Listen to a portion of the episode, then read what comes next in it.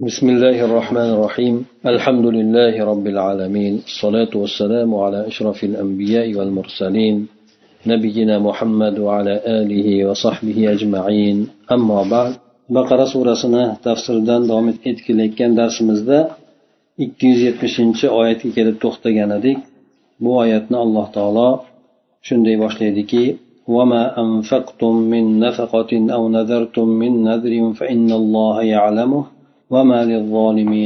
min ansor.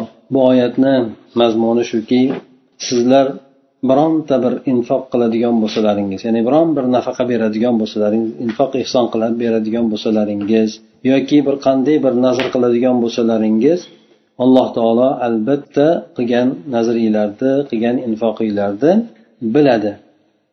Zolimlar uchun esa hech qanaqangi yordamchilar bo'lmaydi deb alloh taolo aytadi. Bu oyatni mufassir keltirib aytadiki أيوما بذلتم أيها المؤمنون من مال في سبيل الله أو نذرتم من فعل خير أو وطاعة فإن الله تعالى سيجازيكم عليه ولا يضيع عند الله منه شيء وليس لمن منع الزكاة أو صرف المال في معاصي الله من ينقذهم ويخلصهم من عذاب الله وفيه وعيد شديد لكل ظالم yuqoridagi oyatga mufassirni keltirgan gaplari shundan iboratki bu oyatni mazmuni ya'ni ey mo'min bo'lgan kimsalar sizlar ollohni yo'lida biron bir molni infoq qiladigan bo'lsalaringiz sarf sarf etadigan bo'lsalaringiz yoki bo'lmasa bir yaxshilik toat qilishlikdan iborat bir nazrni qiladigan bo'lsalaringiz albatta alloh taolo sizlarni o'sha qilgan amallaringlarga ko'ra yaqinda mukofotinglarni beradi.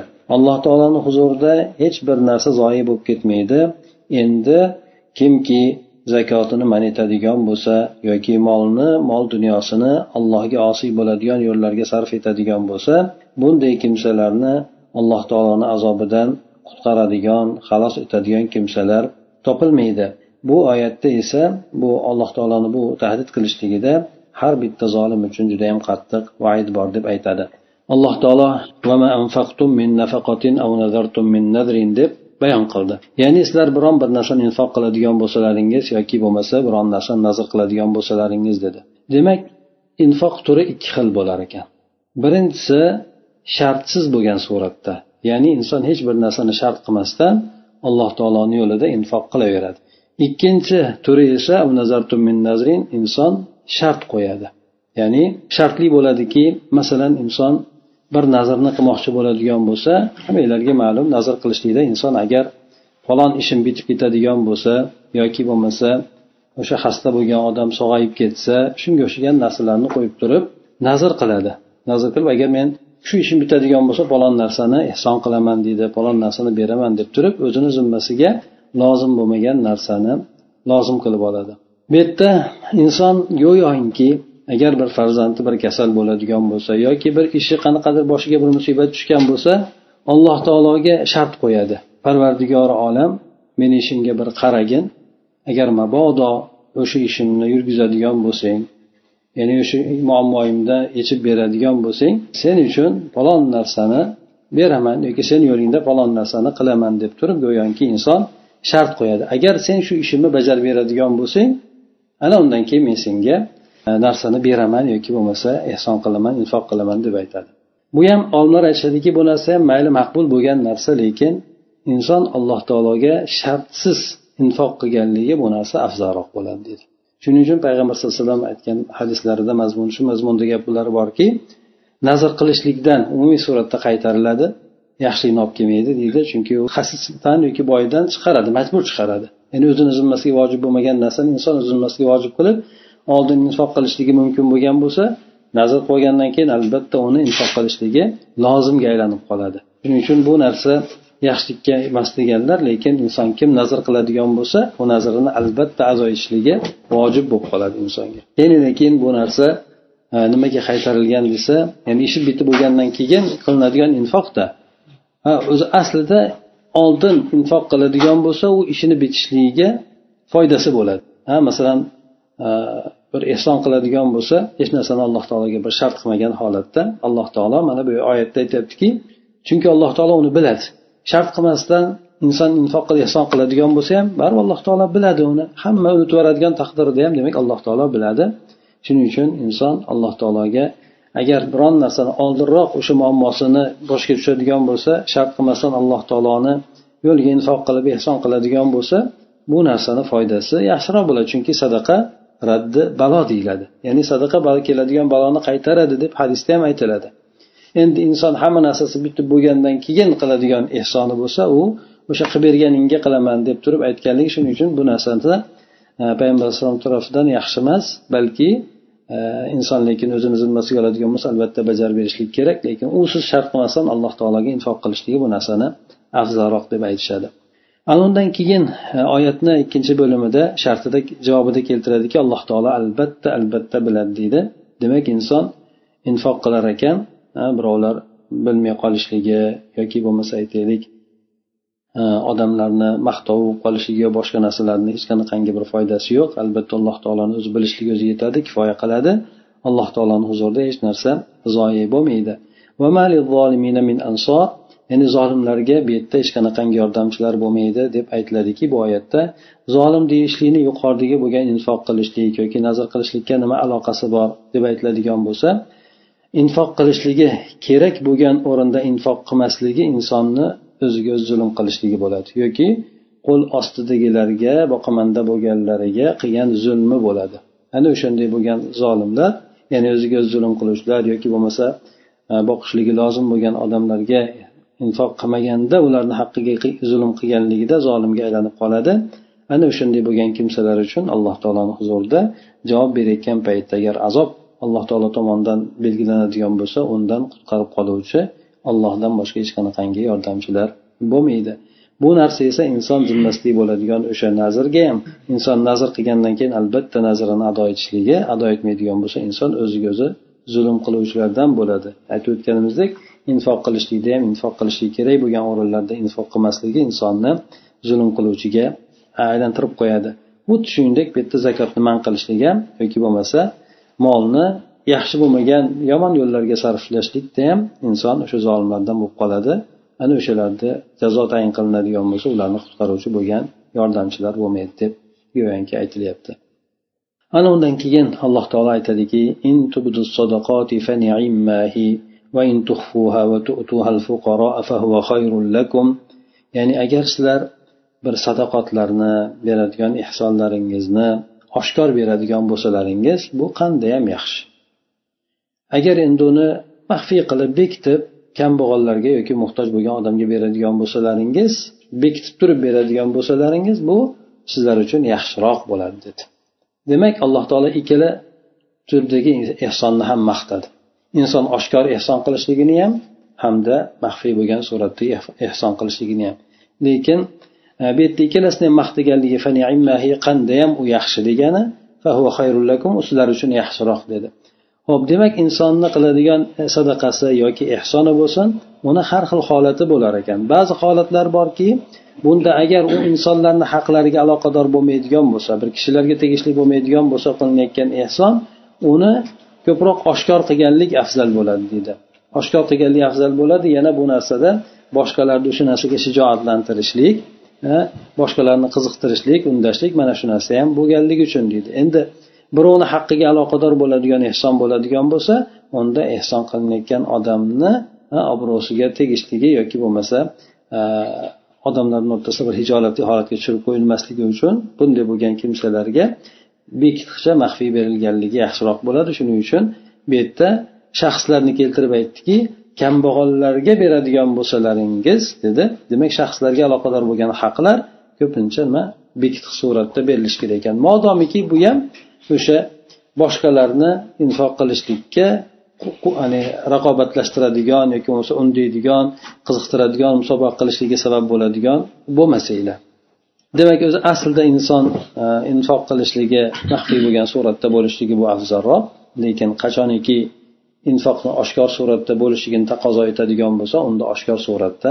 qilinaveradi chunki payg'ambar alayhisalom davrlarida buni ikkala turi ham qilingan. Ha payg'ambar alayhisalom oshkor suratda ehson sadaqaga chaqirgan paytda hammani oldida umar yarim molni olib keladi abu bakr hammani oldida to'liq molni olib keladi. Demak bu yerda hammaga oshkor qilingan bu ollohni yo'lida bo'lgan infoq ehson bo'ladi. Shaxslarga keladigan bo'lsak abu bakr yoki umar yo boshqa boshqalar shaxslarga hech kim bilmaydigan suratda o'zlari olib borib berishgan. Buni hatto ba'zilarini vafotidan keyin bilingan ular ehson qilayotganligi. Ana o'shandek demak inson holatiga qarab turib e, oshkor sadaqa qilishligi ham mumkin ekan.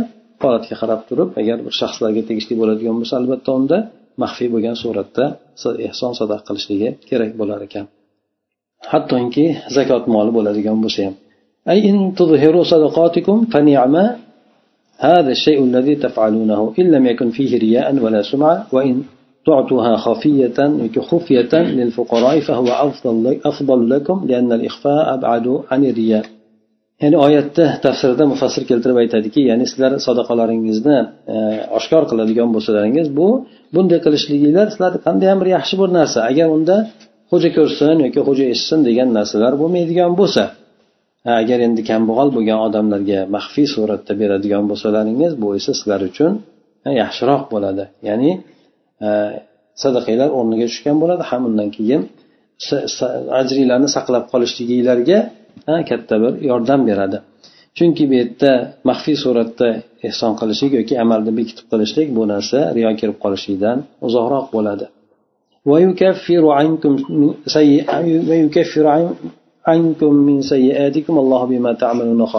Man yuqoridagi bo'lgan oyatga aloqador bo'lgan davomi va alloh taolo sizlardan xuddi yana qilgan gunohinglarni yoki yomon ishinglarni alloh taolo sizlardan kafforat qilib kechirib yuboradi. Ya'ni bu qilayotgan sadaqa yuqorida ham aytib o'tildiki alloh taolo tarafidan bir necha tomondan mukofotlanishligini birisi esa o'sha insonni qilgan gunohlariga ham kafforat bo'ladi.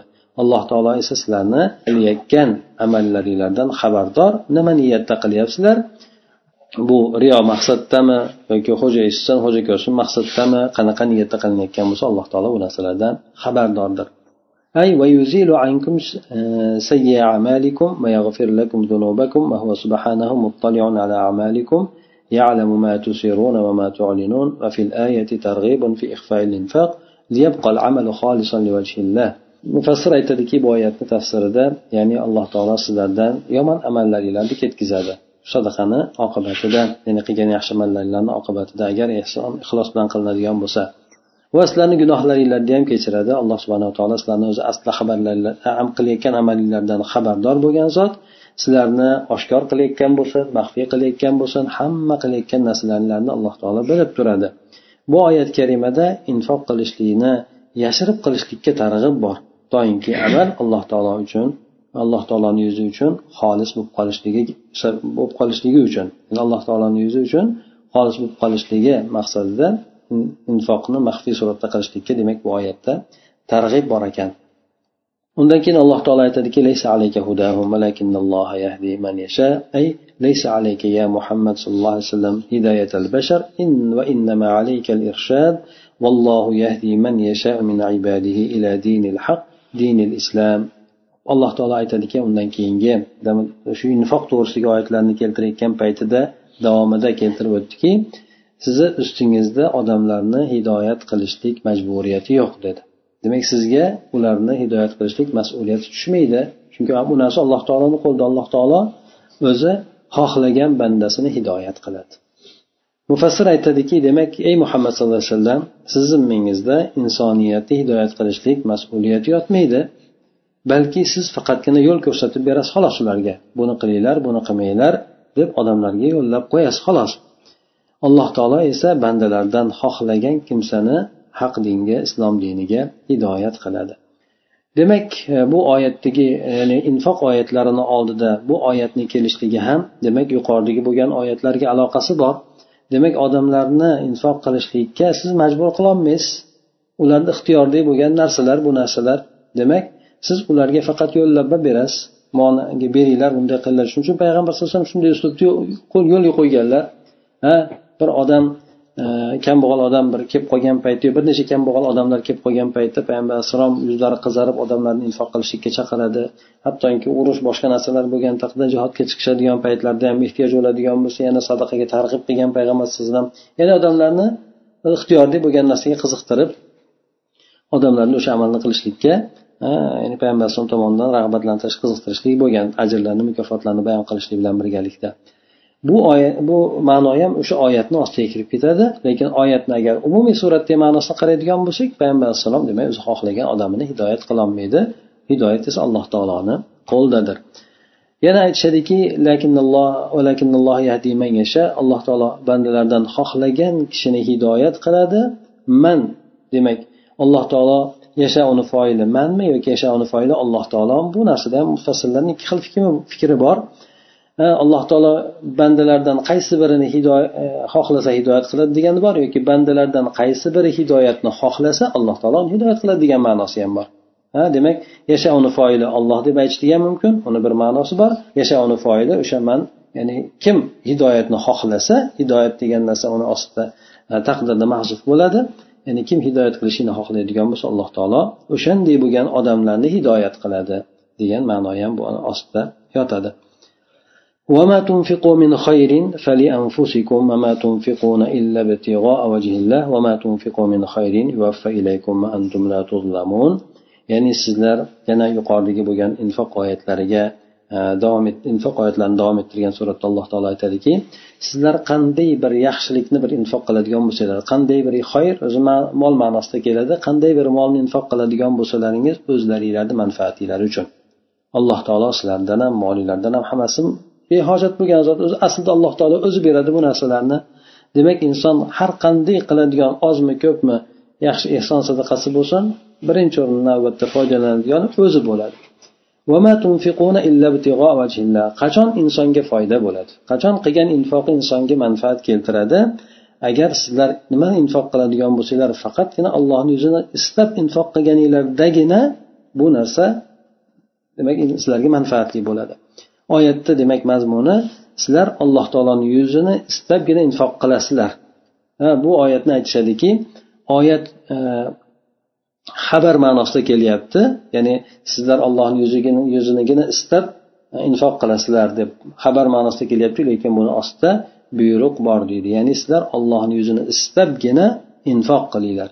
Agar shu ollohni yuzini istabgina infoq qiladigan bo'lsalaringiz unda har qanaqangi qiladigan ehsoninglar o'zinglarni manfaatinglar uchun bo'ladi. Aks holda yuqorida ham aytib o'tildi allohni yuzi istalmagan infoqdan insonga hech qanaqangi manfaat kelmaydi balki alloh taolo tomonidan yuqorida aytib o'tilgan oyatlardagi kabi har xil uqubatlar azoblar kelishligi mumkin ekan.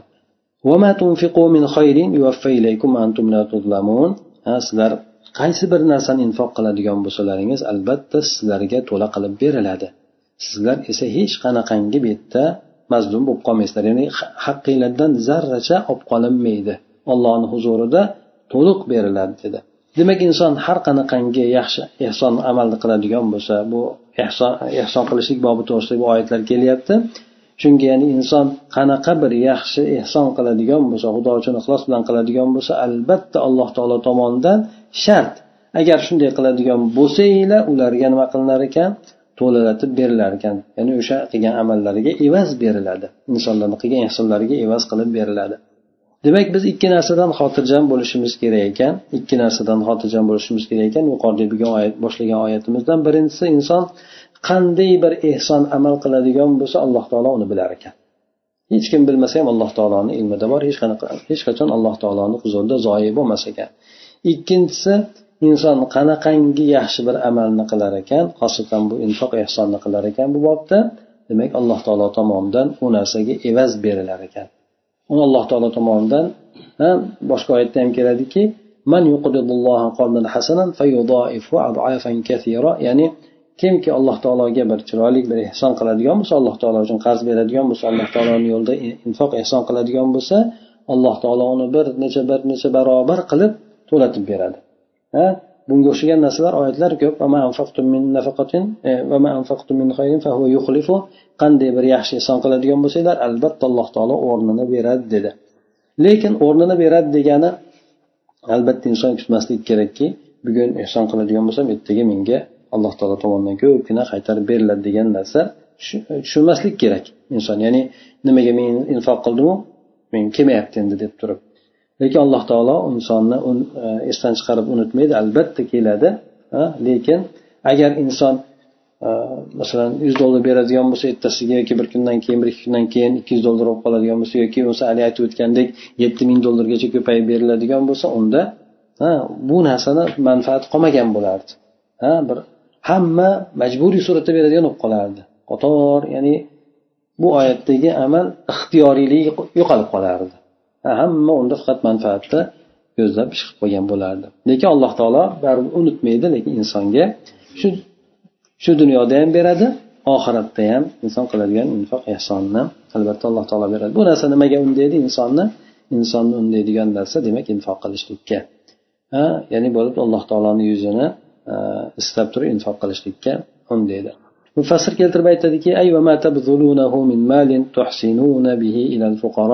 فنفعه أعيد إليكم لا ينتفع به غيركم فلا تمنوا على الفق... تمن...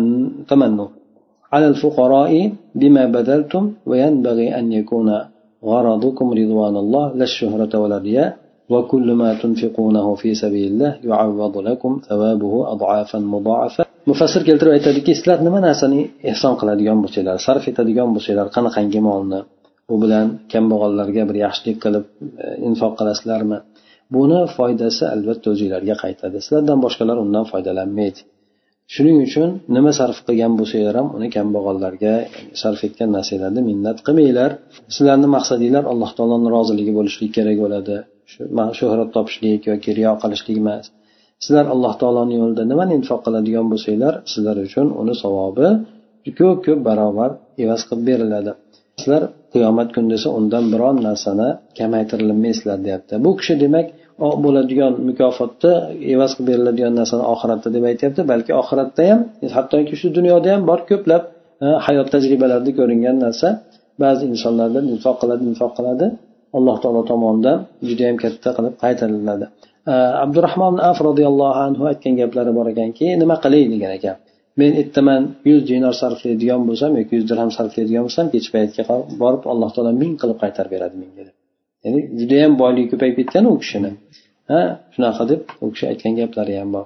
Demak alloh taolo insonga har holatda ham o'sha qilgan ehsoniga evaz beradi. Qolganini hech bo'lmaganda barakotli qilib beradi yoki bo'lmasa rosmona insonni qilgan ehsonlarini keyinchalik ko'paytirib ham beradi. Bu esa hayotda ko'p uchrab turadigan narsa. Undan tashqari qiyomatda ham alloh taolo uni mukofotini ko'plab beradi. للفقراء الذين أحصروا في سبيل الله لا يستطيعون ضربا في الأرض يحسبهم الجاهل أغنياء من التعفف أي اجعلوا ما تنفقونه للفقراء الذين أحصرهم وأقعدهم الجهاد في سبيل الله عن السفر في الأرض للتجارة والكسب فهم أشد الناس استحقاقا استحقاقا للصدقة يظنهم الذي لا يعرف حقيقة أمرهم أنهم أغنياء موصرون من شدة تعففهم عن السؤال alloh taolo undan keyingi fuqarolar kimlar bular qanday odamlarga berishlik to'g'risidan alloh taolo aytib o'tadiki ollohni yo'lida tutilib qolgan ya'ni boshqa ish qilolmasdan tutilib qolgan kambag'al bo'lgan odamlarga beringlar bular ya'ni mashg'ul bo'lib qolganligi uchun din ishi bilan mashg'ul bo'lib qolganligi uchun yerda tijorat qilishlikka qodir bo'lishmaydi.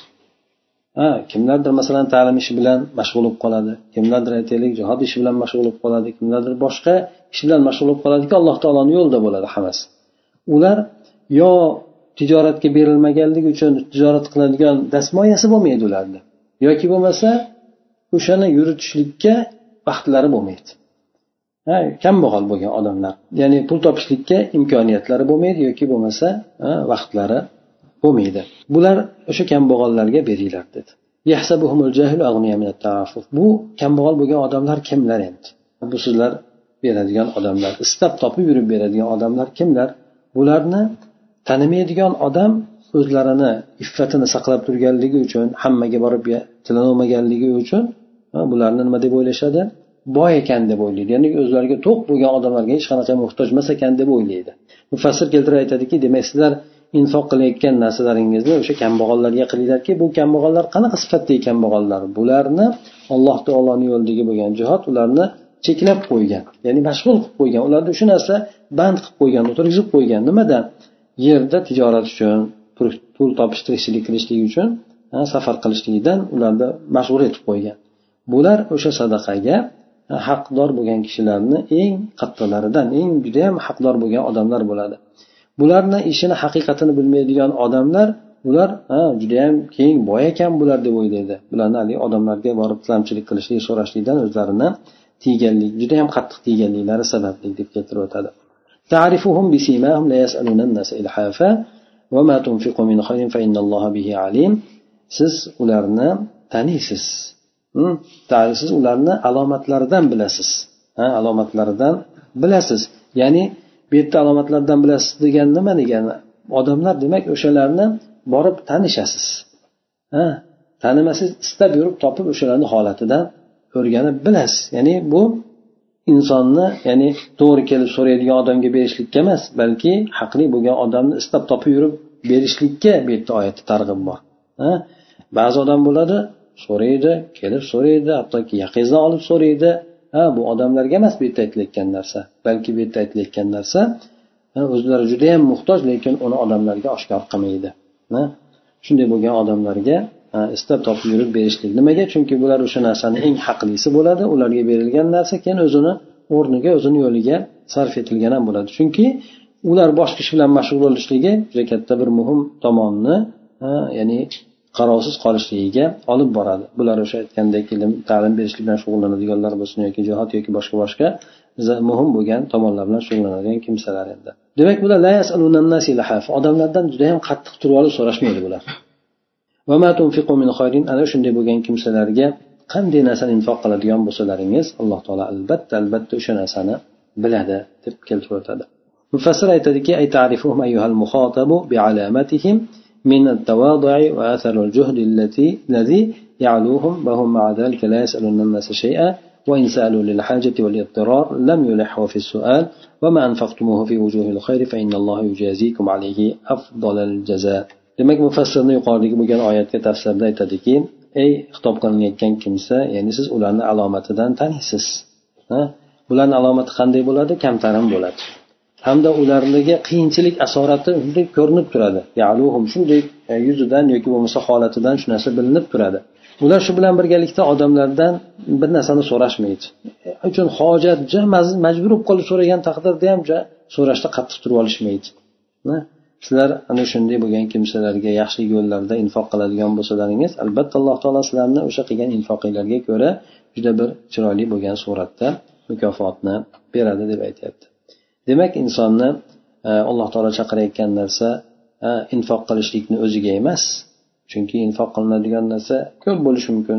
Infoq qilinganda riyo uchun infoq qilishi mumkin noo'rin infoq qilinishi mumkin e, haqdor bo'lmagan odamga infoq qilinishligi mumkin. Lekin bu yerdagi bo'lgan narsa inson o'zi istab topib borib o'sha muhtoj bo'lgan odamlarga berishligi hamda o'shani alloh taoloni yo'lida berishligi. Mana shu narsaga demak alloh taolo tomonidan targ'ib bo'lyapti الذين ينفقون أموالهم بالليل والنهار سرا وعلانية فلهم أجرهم عند ربهم ولا خوف عليهم ولا هم يحزنون. أي هؤلاء المحسنون الأتقياء الذين ينفقون في سبيل الله في جميع الأوقات من ليل أو نهار وفي جميع الأحوال من سر وجهر. لهم ثوابهم العظيم عند رب العزة والجلال ولا خوف عليهم يوم القيامة ولا هم يحزنون على ما فاتهم في الدنيا. Ya'ni mol mulklarini mol dunyolarini ertayu kech maxfiy suratda bo'lsin oshkor suratda bo'lsin infoq qilayotgan kimsalar uchun bizni huzurimizda yoki alloh taoloni huzurida ajr mukofotlari bor dedi alloh taolo. Demak ularni kim qilayotgan bo'lsa albatta ularni yozib qo'yiladi ajr mukofotni alloh taoloni huzurida oladi hech narsasi ularni zoyi bo'lmaydi. Yana undan tashqari ularni kelajakdagi kutayotgan narsalarda hech qanaqangi ular qo'rquv bo'lmaydi. Kutayotgan narsalardan shuningdek dunyoda tashlab o'tib ketayotgan narsalarga ular hatto achinib ham qo'yishmaydi. Ana bu mufassir keltirib aytadiki demak taqvodor bo'lgan muhsin bo'lgan kimsalar bular alloh taoloni yo'lida har vaqt kechami kunduzmi hamma holatlarda oshkor bo'lsin maxfiy bo'lsin shunday suratlarda ehson qiladigan kimsalar. Shunday kimsalar uchun alloh taoloni huzurida judayam katta savoblari bor.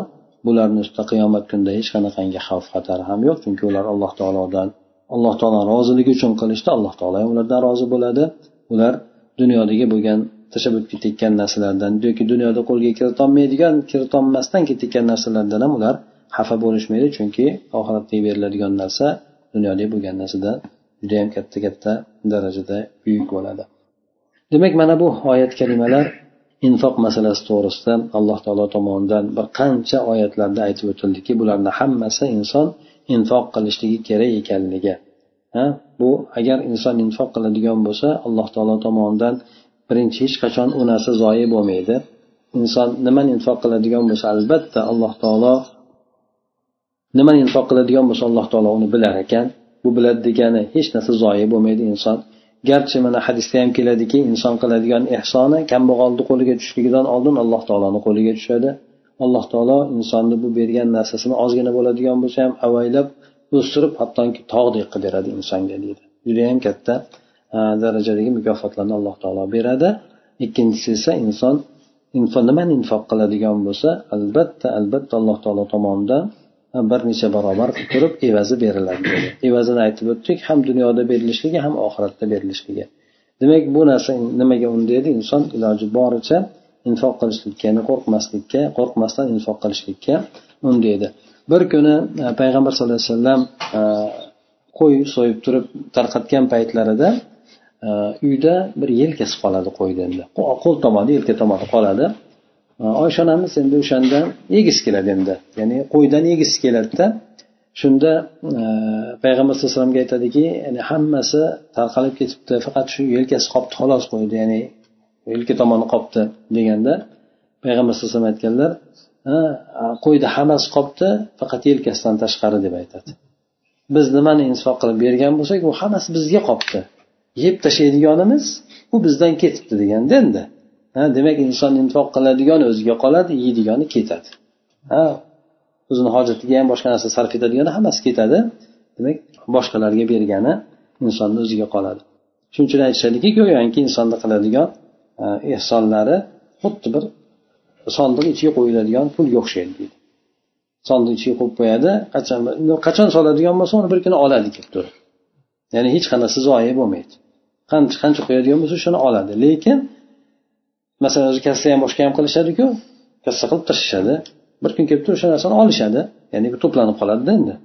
U endi biriga bir hech kim bu yerga paytirib qo'ymaydi. Lekin u qo'yayotgan joyida bu yerda qo'yayotgan joyida insonda qiladigan e, insonga beriladigan narsa demak yetti yuz baravarigacha ko'paytirib beriladi. Ya'ni qo'yib qo'ygani ko'payaveradi zoyi bo'lmaydi demak o'sha narsasi insonga dunyoda ham oxiratda ham alloh taolo chiqarib beradi endi.